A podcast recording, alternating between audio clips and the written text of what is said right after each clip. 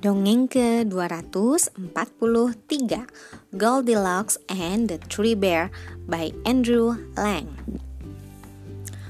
Once upon a time there was a little girl called Goldilocks who lived in a great forest with her mother and her father. Now, ever since she was tiny, her mother had told her she must never ever wander off into the forest for it was full of wild creatures, especially bears.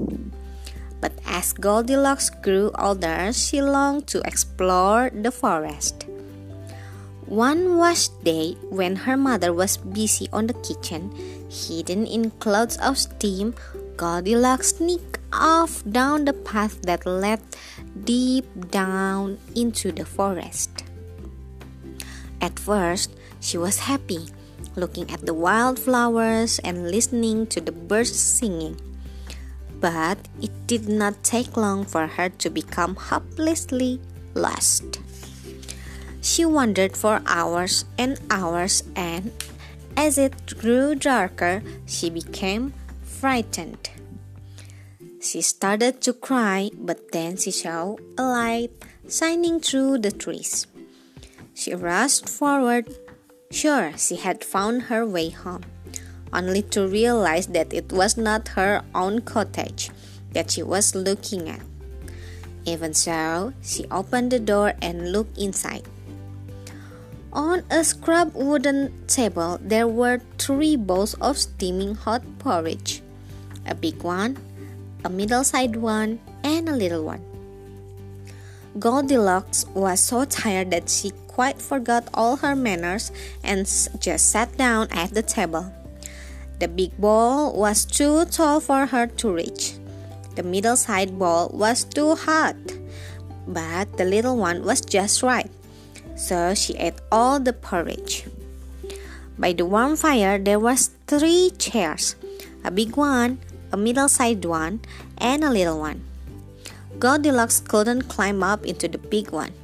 The middle sized one was too hard. The little one was just right side, but as soon as she sat down, it broke into pieces.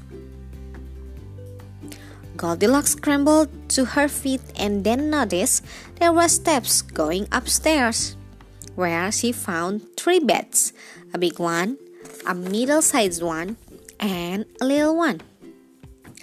The big bed was too hard. The middle sized one was too soft, but the little one just right, and she was soon fast asleep. The cottage belonged to three bears, and it was not long before they came home. They knew at once that someone had been inside. Father Bear growled, Who has been eating my porridge? Mother Bear grumbled, Who has been eating my porridge? And Baby Bear gasped, Who has been eating my porridge and has eaten it all? The bears looking round the room. They looked at the chairs by the warm fire. Father Bear growled, Who has been sitting in my chair? Mother Bear grumbled, Who has been sitting in my chair? And Baby Bear gasped, who has been sitting in my chair and has broken it to bits. The bears went upstairs to look at their beds. Father Bear growled, Who has been sleeping in my bed? Mother Bear grumbled, Who has been sleeping in my bed? And Baby Bear gasped, Who has been sleeping in my bed and it's still there? Suddenly, Goldilocks woke up. All she could see was three very cross looking bears. She jumped off the bed, round the stairs, and out of the door. She ran and ran and ran, and by good fortune, found herself outside her own cottage. Her mother and father scolded her, but then gave her lots of hugs and kisses and a big bowl of soup. Goldilocks had certainly learned her lesson and she never ever wandered off again. Sekian, terima kasih telah mendengarkan. Selamat malam.